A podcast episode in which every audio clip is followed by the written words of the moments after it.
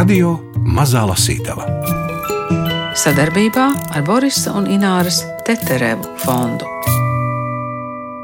ja nāve un asinis, tad līdz smakai, ja, ja mīlestība, tad līdz seksam, reizēm arī rupjam, un ja, ja māksla, tad nu, tā, ka tai aizmirstas viss. Un ja kaķi, Botičelī iemīļotie dzīvnieki, tad eh, kaķi arī ar, ar šņākšanu, plēšanu, nagiem un, un, un naidu un mīlestību. Tā par Sofijas Šavo romānu sapnī ar Botičelī saka tulkotāja no franču valodas Irēna Auziņa. 15. gadsimta Florencē, kurā valda renesanses mākslinieku atbalstītājs Lorenzo Medici, gleznotājs Sandro Botticelli rada mākslas darbus, kurus tagad pazīst visa pasaule. Bet 15. gadsimta Florencē ir arī sazvērestības, intrigas un apakaliptiski pareģojumi, un Florencē sastopas Sandro Botticelli un Leonardo da Vinci, un tomēr Irēnai Auziņai jautāju, vai šajā grāmatā atslēgas vārds ir sapnī. Man liekas, ka abi ir vienādi svarīgi vārdi, jo Botičelī vienkārši nevarētu būt, jo tomēr tā ir rakstnieces fantāzija, kaut arī balstīta vēsturiskos faktos, vēsturiskā informācijā, bet sapnī tomēr obligāti, jo rakstniece ir visai brīvi interpretējusi mākslinieku autobiogrāfijas un vēsturi. Tātad eh, viņi ir rakstījusi par vairākiem māksliniekiem, un šis ir pirmais, ko mēs varam iepazīt latviešu valodā.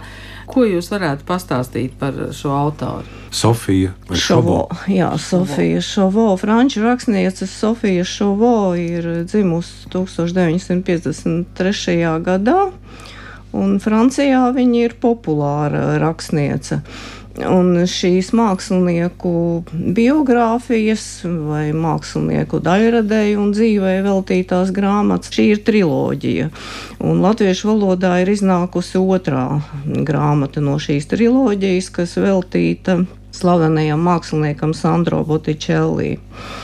Un iepriekšējā grāmata ir um, par Filipo Lipi, un nākamā, trešā Leonardo da Vinci. Tā tad mums ir tikusi vidējā. Nav nozīmes, kādā secībā šīs grāmatas lasa. Tā kā tas ir atkarīgs no lasītāju vēlmes uzzināt latviešu, kas kā ir sarakstītas šīs biogrāfijas. Un Sofija Šovo pirms ķerties pie savas triloģijas ir četrus gadus pētījusi dažādus materiālus, mākslas grāmatas, esejas, vēstures apcerējumus, lai iegūtu informāciju un iedvesmotos rakstīšanai. Un te atkal ir tas, kāpēc tomēr mēs varam teikt, ka pilnīgi, pilnīgs fantāzijas auglis tomēr eh, šis romāns nav. Pamatā tam ir eh, diezgan nopietnas studijas, kad rakstniece ir iepazinusies ar materiālu, bet pēc tam rīkojusies diezgan brīvi. Sakiet, vai tulkojot šo grāmatu arī ir nepieciešamas drusku papildus studijas mākslas vēsturē? Nu, es labprāt būtu gan studējusi mākslas vēsturi, vairāk, gan arī aizceļojusi uz Florenci lieku reizi, tā teikt. Bet, nu, ne, Florencē neviena reize nav lieka. nu, jā, taisnība.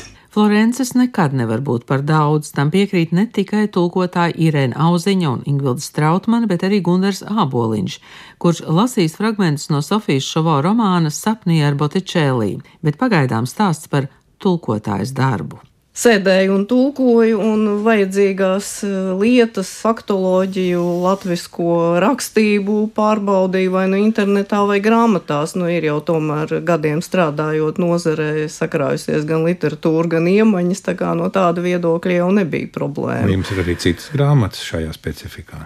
Īsti šajā specifikā tomēr nē ir, ir citādas. Par glezniecību tā ir pirmā. Par glezniecību pirmā, jā.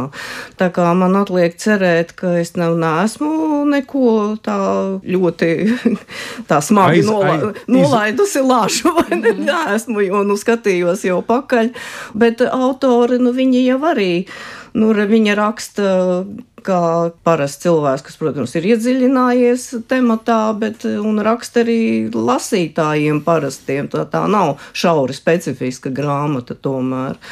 Bet kā... terminoloģija un dažādi teiksim, nosaukumi, kā, to, kā tos ir pieņemts. Nu jā, terminoloģija un nosaukumi tas viss bija, un es neatradu, varbūt kāds mākslas vēsturnieks mani varētu apgaismot, bet es neatradu, ka būtu latviski nostiprinājies termins tam slavenajam morbidece vai tam slimīgumam, vai tieši tā to nevar ar vienu vārdu pārtulkot, kas tiek piedāvāts tiem Botičellī tēliem, ka viņi tādi izstiepti un bāli un kaut kas tāds. Jā. Un tāpēc, tā kā franciski tas arī bija, arī itāļu terminu izteikts, kaut franču vārds ir ļoti līdzīgs un angļu tāpat, bet tā kā autori bija atstājusi itāļu vārdu, tad es arī bez sirdsapziņas pārmetumiem atstāju itāļu rakstībā morbideca, un tad, kā saka, lasītājiem tekstā ir iespēja redzēt, kas tas ir, kā tas atklājas aprakstoši, kas tas tāds ir.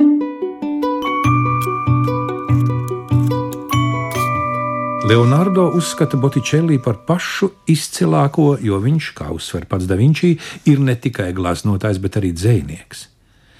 Botticelli tēli ir kļuvuši bezmiesīgi, tie ir kustīgi, netverami. Botticelli ir radījis šo tik pieprasīto slaveno grāciju, cildeno skaistumu morbideca. Viņa personāži līgojas lēnā ritmā. Dievišķas ekstāzes stāvoklī daži ir piezemētāki, tie met ziedus, dejodami saulainā pacelātībā. Nu jā, un tad tie glezno apraksti, kas ir um, tādi nu, izsmalcināti, varbūt būtu par uh, skaļu teikts, bet diezgan smalki autori to visu ir aprakstījusi. Tieši gleznā redzamo. Jā, tieši gleznā redzamo un tieši kā, kā tā glezna top un kā māksliniekam attīstās vai mainās attieksme pret attēlojamo objektu, nu parasti pret modeli, jo viņš jau glezno cilvēku tēlus, cilvēku figūras kā viņam šķiet, kā tas teorētiski būtu jāattēlo. Tur romāna beigās viņš jau satiekas ar um, Florencē iebraukušo Leonardo da Vinci, un viņiem ir tāda ļoti atšķirīga pieeja mākslai, un tad viņi abi diskutē,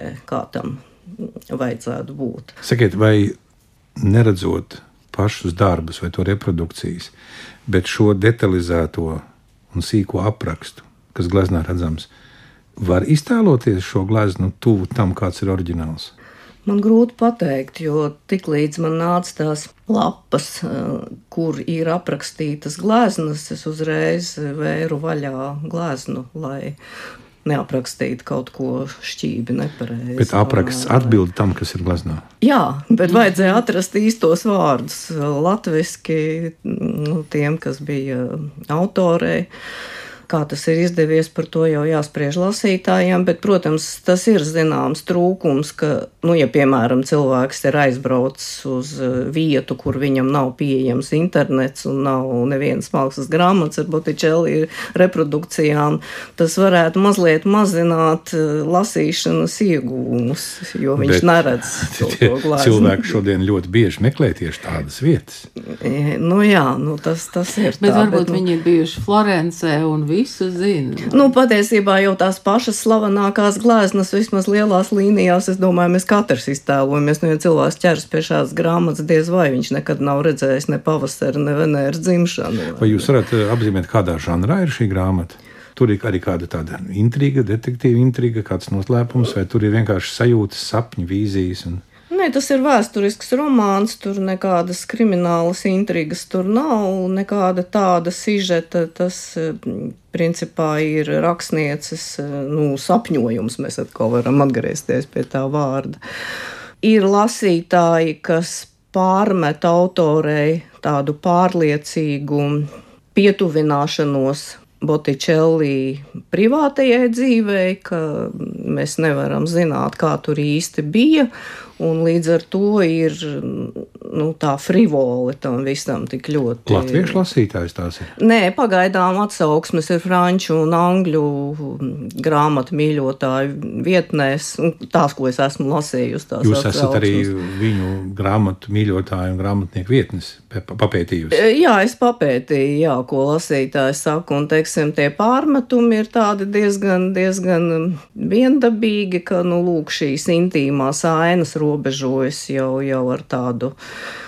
nu, tuvojas pornogrāfijai, teiksim, kādam jau pat likās. Un, nu, citi saka, jā, nu, tās erotiskās ainas, nu, varbūt tas nav pats labākais šajā grāmatā. Kas ir pats labākais? Man savukārt liekas, ka pats labākais ir kaislība, ar kādu autoru pieiet visam, gan mākslai, gan mākslinieka privātajai dzīvē, gan vēstures notikumiem. Teiksim, ļoti spilgts reliģiskā fanātiķa mūkas Savona Rolas tēls, kas visu Florenci iedzinas šausmās un uh, daudz, daudz posta tur izraisījis. Bet uh, no otras puses, atkal mēra epidēmijas laikā viņš ir uzvedies pat neticami labi, teiksim, saprastams, ko tas viss nozīmē Florencei. Bet jā, teiksim, autores kaislība attēlojot šo briesmīgo mūku savu narolu, gan medičī dzimtas varu pār uh, Florences iedzīvotājiem, to nodokļu slogu, ko viņi ir uzspieduši Florences parastajiem cilvēkiem. Un kaislība, ar kādu viņa rāda mākslinieka attiecības ar modeli, ar Botticelli. Galveno modeli viņa mākslā un dzīvē Sandra Lipī, kas ir viņa skolotāja. Filipa Vārda māsa gandrīz vai. Nu, jā, jā, Sandra un Sandra tur brīžiem ņemot vērā latviešu valodas specifiku ar locījumiem, tur nu, reizēm izveidot teikumu tā, lai nelietotu bezgalīgus viņš, viņa, viņai, viņam, ņemt talkā šos vārdus, bet kas tur ir ar Sandro un Sandru, tur arī brīžiem vairs nevar saprast. Tā kā, nu, es ceru, ka tā lielākoties tur, tur viss ir normāli, ka var saprast, kurš kuram ko ir nodarījis un kurš uz kur skatās. Kurš tad tomēr nodarījis ir. Tad maza intriga pastāv. Nu, jā, maza intriga, protams, ir. Jā. Nu, tur jau ir arī tādas asiņainas ainas, kas saistās ar 15. gadsimta Florenci. Jā, tās politiskās slepkavības, sazvērstības, un tas viss arī ir attēlots ar tādu izteiktu faktūru.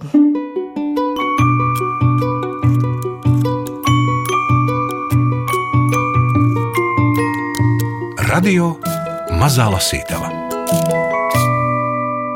Pilnīgi negaidīti uz šīs 15. gadsimta Florences galmonu mākslas pasaules skatuves uznāk kaķi. Tādi mežonīgi tie kaķi. Mežonīgi kaķi, jā, ko. Tad, tad kaķis no mājas, miera, klusas, murrāšanas, mm. tāds iemiesojums būtne tāda. Bet mežonīgs. Pirmais Botičēlī kaķis ir kaķene, kurai viņš ir nesis ēdienu eh, uz kādu pamestu klajumu un iedraudzējies ar šo kaķeni. Un tad, kad viņš ir sajūties tāds mākslinieks ar ienākumiem un panākumiem, tad viņš šo kaķeni ir savācis pie sevis uz darbnīcu un pamazām viņa kaķu pulks ir savairojies līdz vairākiem desmitiem, un viņš šos kaķus ir ārkārtīgi mīlējis.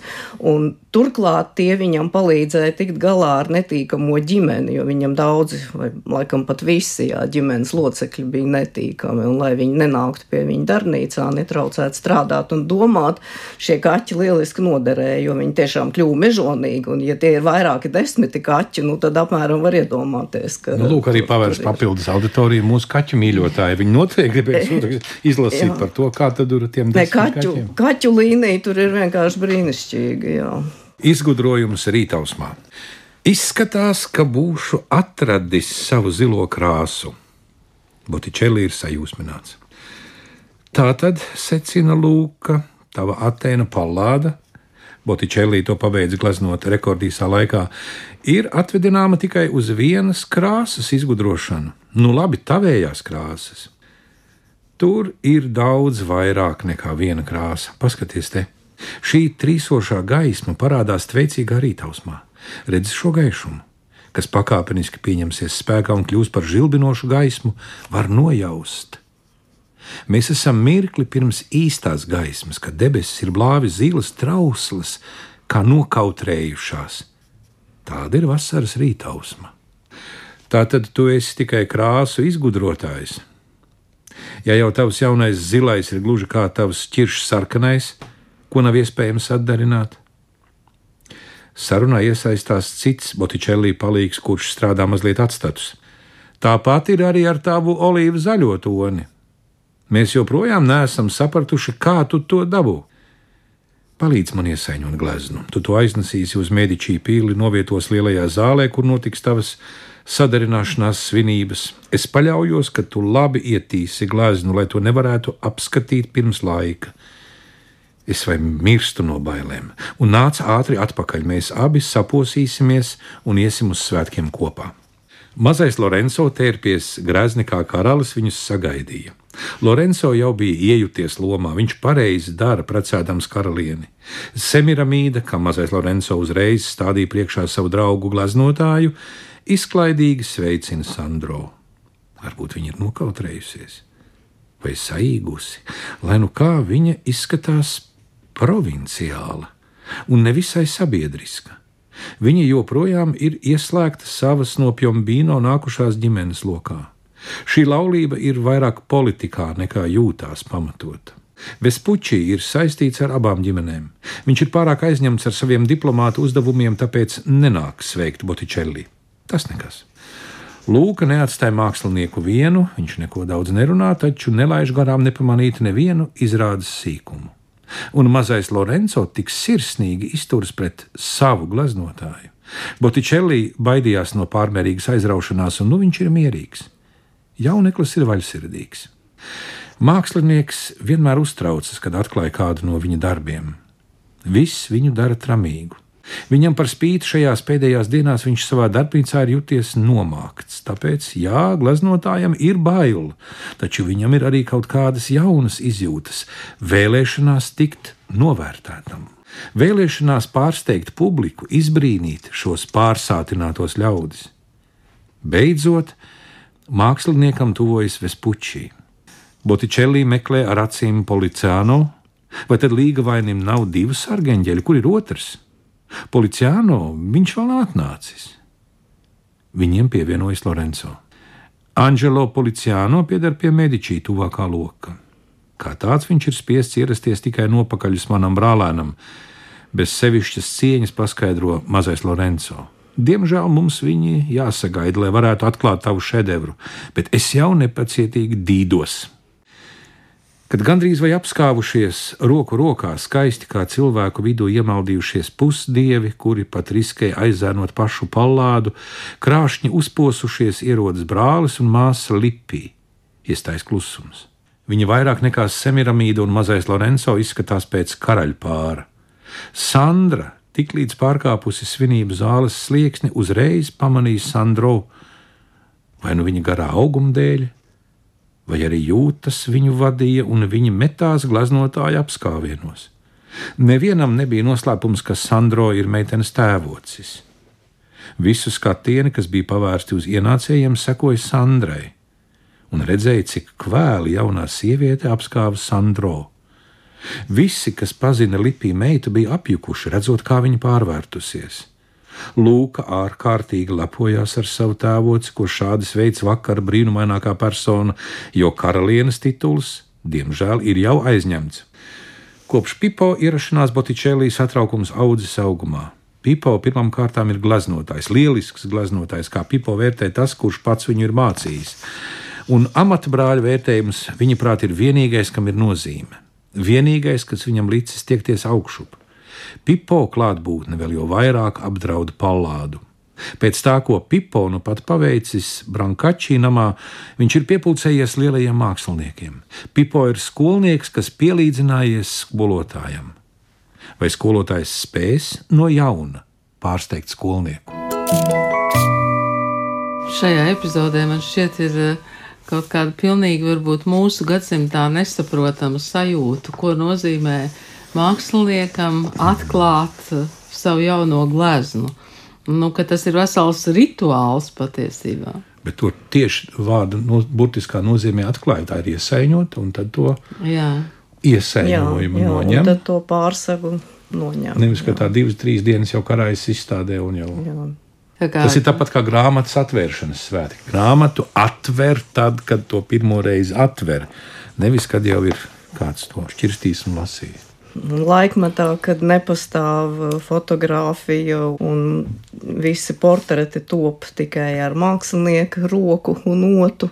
Tad māksliniekiem ir tie blociņi vai burtnīcas, kur viņi raksta pasūtījumus. Tas man likās arī ārkārtīgi tā, nu, tā, tāda laikmeta faktūra tur jūtama, ka mākslinieks tiklīdz viņš gūst ievērību, tā viņam vairojas šie pasūtījumi un, un viņš jau plāno sev varbūt pat vairākus gadus vai pat desmit gadus uz priekšu tos pasūtījumus, ka cilvēki vēlas tieši viņa glaznotu portretu. Un vai ir arī vērojama tāda lieta, ka daži pasūtītāji solīdami drusku lielāku samaksu mēģina ielīst bez rindas? Jā, jo, jo panākumiem bagātāks mākslinieks, jo cenas aug.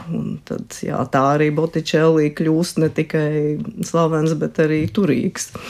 Bet eh, Botticelli šajā grāmatā jau ir eh, guvis panākumus, un viņš jau ir izredzētais mākslinieks. Nu, romāns sākas ar vienu no viņa slavenajām glaznām, kas tajā brīdī top Svēto Sebastiānu, kura modelis ir viņa mīļākais Pipo pamatā viņš tomēr pieder pie šīs eh, Florencē ārkārtīgi izplatītās eh, homoseksuāļu kopienas, un Sandra Lipī ir, nu, es visas intrigas neatklāšu, nu, tas drīzāk ir izņēmums nekā viņa dzīves norma.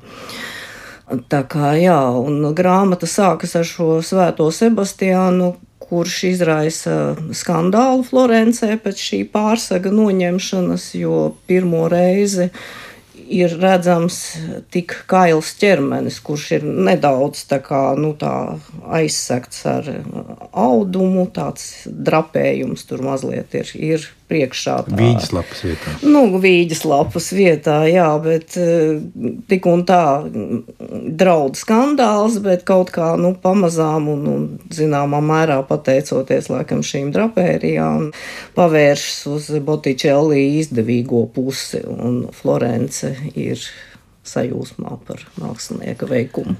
Vistrakākā kāzu nakts.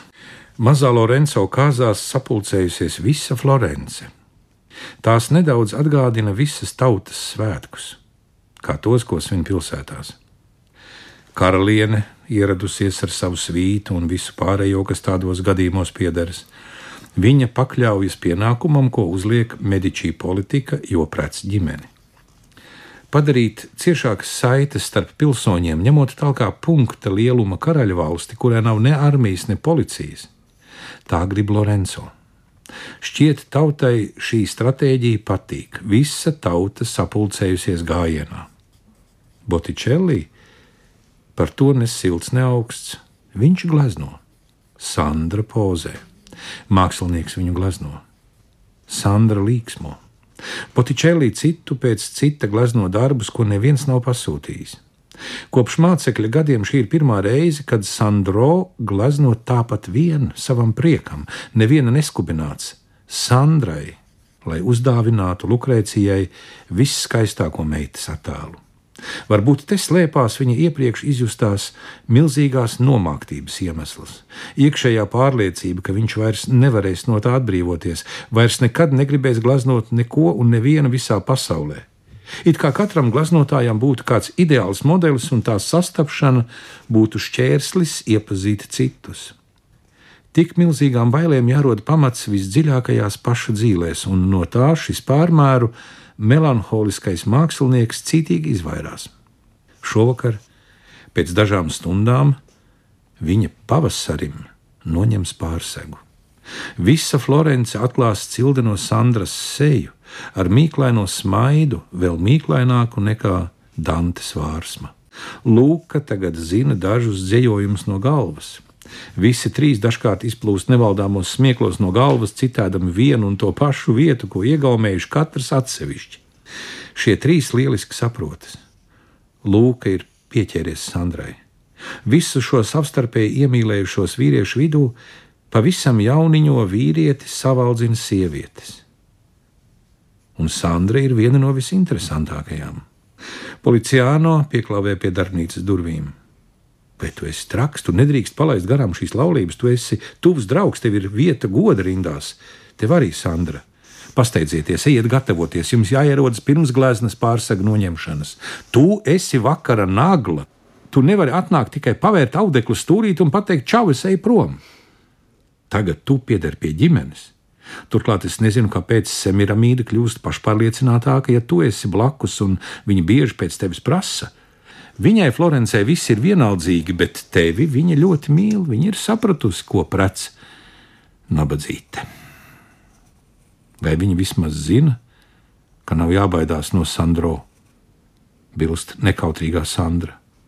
Ne no tā, ka viņš klups viņai virsū kā sīkais ļaunais Piero uzklupa man, ne no tā, ka viņš aizvilinās mazo Lorenzo meitās ar Sandro Semiramīdu, ja drīkstu sacīt, var dusēt mierīgi. Sandra zobojas. Sandra vairs nav labā omā. Viņa pat bilst dzēniekam, ka viņš ir pārtraucis viņus visus lieliskā nodarbē, jo lūka pašreiz skandēja vārsmas no šķīstītavas. Policiāno iejaukšanās, proti sabiedrības iejaukšanās, viņus iztraucējusi. Meitene sapņo par to, lai viņas glaznotājs piederētu viņai vien, lai viņa varētu pozēt, būt aci pret aci ar mākslinieku, pozēt un vērot viņu. Kādu dienu viņš nostāsies viņas priekšā un lūksies. Viņš nāks viņai klāt, tuvāk, aizvien tuvāk uz ceļiem, lūgdamies, lai noskūpsta viņu. Meitene par to ir pārliecināta. Viņa tik bieži ir izsapņojusi šo ainu tas notiks. Tagad ir jādodas uz pilsētu, jādodas plivināties tur, kur Grandī uzvedas tikpat slikti, cik Popolo Minuto.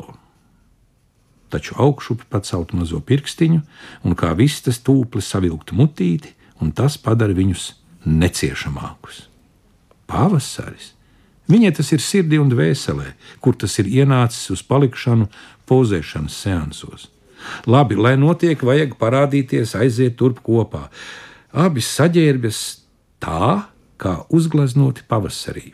Tiklīdz viņi ienāk, mazā Lorenzo sirds sāk pukstēt straujāk. Tā vīrieša un sievietes ierašanās, kuras satrauc Lorenzo vairāk par visiem pasaulē, izraisa mežonīgu pulsa pātrināšanos. Ieķērušies viens otram alkonī, viņi tuvojas necik neinteresēdamies par radīto iespaidu visi vīrieši vai aprīja Sandru ar acīm. Šovakar viņi visi man lūgs tavu roku, Botičelī čukst ausī krustmētai. Bet tu atteiksi sacīdams, ka mana roka ir tev kabatā. Sandra netīkoja pēc drīzām precībām. Viņu pārlieku nodarbināja dažādas aizraušanās. Kas attiecas uz Botičelī, viņam pietiek panākumu. Mazie slavas apliecinājumi viņam nesilda sirdi. Mākslinieks jau ir sapratis, ka tas nepalīdz pārvarēt melanholiju. Atliek tikai jūtas, kas joprojām krasi pastiprinās mazā Lorenzo tuvumā. Jādomā, ka viņš erotizē visu, kam pieskaras. Viņiem piebiedrojas pipo un liekulīgi uztraucas par lūkas prombūtni. Mans brāļdēls uzstāda primavēru. Ak, tā, protams, šovakar ir arī manas mazās māsiņas iesvētīšana. Visa pilsētas jaunatne ir gatava tev aplaudēt. Tev tikai jāizvēlas, viņi visi būs pie tavām kājām. Nu, tā būs ērtāk viņus sabradāt. Beidzot, līdz viņiem ticis mazais Lorenzo par lielu nožēlu policiāno, kas mēģina noturēt viņu aiz piedurknes. Šās dienas jaunlaulātā jau jūtas pamesta. Mazais Lorenzo trīc no iekāres. Sandra, Sandro, kāpēc izvēlēties? Viņš grib abus, viņš iekāro abus. Ik viens no viņiem jūt mazā Lorenzo divkāršo iekāru, taču nedz viena, nedz jo īpaši otra nespēja iztēloties šādu iekāru uzreiz pēc diviem. Pipo ir devies medībās.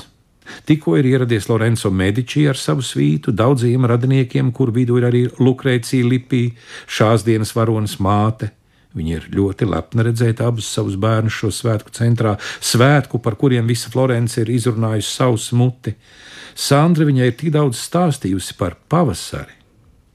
Tāpat kā visa pilsēta, Lukrēcija deg nepacietībā to ieraudzīt. Protams, viņas sirds pukst vēl jau straujāk nekā pārējiem. Velti viņu brīdināja, viņa tik un tā ir satriekta. Šī glazna momentā izraisa sensāciju ar savu lielumu, gaismu un novitāti. Jā, nu, tulkotājiem šis darbs nebija tāds pārmērīgi sarežģīts, jo, teiksim, autorē ir pilnīgi neitrāla leksika. Frāzes uzbūve ir, nu, es teiktu, mūsdienīga, tā kā, nu, sēdi un raksti principā, bet no otras puses nedrīkst no tās brīžiem nervozās frāzes nokāpt, lai saglabātu to, ka tas ir uzrakstīts mūsdienīgi par eh, tiem laikiem, par 15. gadsimtu. Vai Džokonda ir slepkava? Leonardo atgriešanās ir veiksme Florencei un florenciešiem. Nelielas renesanses aizsākums pēc šiem izlietās asins, uguns un pelnu gadiem. Mākslinieki atspirkst, tirgotāji paceļ galvu un uzdrīkstas atkal iegādāties skaistumu, lepoties ar to un pat atklāti izrādīt. Jaunumi izplatās līdz pat Nīderlandē. Mūsu Sandro, tā Botičelī dēvē Leonardo, ir izveidojis skolu, ne glezniecības skolu, bet domas, filozofijas skolu. Viņa darbu Ziemeļā Eiropā raksturo ar vārdu melanholija. Melanholiju iemūžina gravīrā kāds Albrechts Dīrers. Nav nekādu šaubu, Botičelī ir diža glezniecības strāvojuma Florences skolas pamatlicējs. Leonardo to pieņem, taču pēc viņa uzgleznotās svētās Annas neviens vairs neuzskata Botičelī par pārāku, sākot ar viņu pašu. Jo tālāk, jo vairāk Sandro pats izstājas no sancensības. Tā viņu vairs neaizrauja. Šīs cīņas, pamīšus izstādot panno, ko vērtē vairāk vai mazāk uzpirkti lišķi, Starp abiem meistariem tomēr norisinās pēdējā būtiskā cīņa. Jo vairāk Leonardo mīkstina zīmējuma kontūras, jo vairāk Botičelī tās uzsver un padara līnijas izteiktākas. Tā ir cīņa starp smalki veidotu reliefu un līnijas dominanci. Tādas līnijas dabā nepastāv, tāpēc Leonardo tās neizmanto. Da Vinčī strādā, lai padarītu līniju nemanāmu, turpretī Botičelli uzskata, ka glezniecībai ir noteikti jāatbrīvojas no dabas un nekādā gadījumā nevajag to kopēt. Glaznot Botičelli nozīmē pasniegt dabu citādi, izdomāt to, izsapņot un pēc vajadzības uzlabot. Viņš prasa, lai formai piemistu pašcieņa un pat morāli. Botičelli vēršas pie domāšanas, nonākdams līdz pat abstrakcijai, jo īpaši tā redzama mākslinieka melnbaltajos zīmējumos, kas ilustrē Dantes sacerējumus. Te Sandro ir viensprātis ar Leonardo un atzīst, ka ķermeņa kustībai piemīt spēja atveidot visu cilvēka dvēseles spēku. Ķermeņa plastika ir dvēseles valoda, psihes fiziskais attēls. No šejienes izriet pastāvīgais dejas slavinājums Botičēlī darbos. Kopš pašiem darbības sākumiem Botičelli attēlotās sievietes izskatās it kā peldam gaisā, it kā kustamies virs zemes, it kā dejojam. Leonardo tēli ir nekustīgāki, lai gan tiem piemīt iekšējs kustīgums. Šis duelis turpinājās trīs ātri paskrējušus gadus. Abi meistari apbrīno viens otru par to, ka izvirzījuši un uztur tik augstas prasības. Leonardo ļoti labi ietekmē Botičelli. Sancensība nāk par labu abiem. Leonardo šarms, viņa ģēnijs izpaužas visā pilnībā. Tā ir kā uguņošana, kas Florencē rada atzimšanas iespaidu. Katru dienu māksliniekiem uzrodas jauni sekotāji. Ir tāds iespējas, ka notiek cīņas starp diviem titāniem, taču pret abu skaisto draudzību pavēršas kāds slasts. Vespučī pasūta Botičelli krucifiksu. Pirmo reizi mākslinieks glezno fonā Florences ainavu negaisa mākoņos. Pāri visam slēdz liels krusts ar Kristu, kas ir gluži vai caurspīdīgs un tik bāls, ka izskatās pēc parādības. Blakus krustā sistējam bruņots eņģelis šķiet ar riebumu atvairām negaisa mākoņus. Izmisusi Marija Magdalēna družaini skauj krusta pamatni. Tā ir nabaga ārprātīgā sieviete, kas sadega dzīve, viņas matiem iemuģinoties Savonarolas sārtā. Botičelli ir attēlojis ainu, kas viņu vajāja.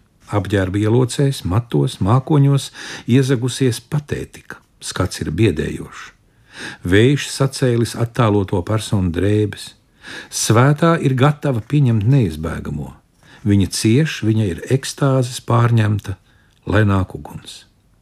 Kopš apmalojuma uzgleznošanas laikiem visas Botičelli attēlotās sejas apzīmogo kaislīgas apņēmības, sirdi plosoša rūkuma izteiksme, kas izraisa skatītājā sāpīgu līdzpārdzīvojumu. Viņa gleznotais bērns Jēzus vairs neuzdrīkstas apskaut savu māti Madonu, viņš to vēro tā, it kā jau iepriekš paredzētu bēdas, ko viņai sagādās. Arī Botičellī gleznotajām Madonnām ir beigu priekšnojauta, viņas izskatās noskumušas un prom esošas. Gluži kā pats Botičellī, vai viņš tiešām ir pieveicis savus rēgus. Sofijas Šavo romānu Sapni ar Botičelli lasīja Gundars Āboliņš, Ingvilds Trautmanu un Agita Bērziņa, par skaņu rūpējās Nora Mitspapa. Grāmatu no franču valodas tulkojusi Irēna Auziņa, izdeva Aminorī.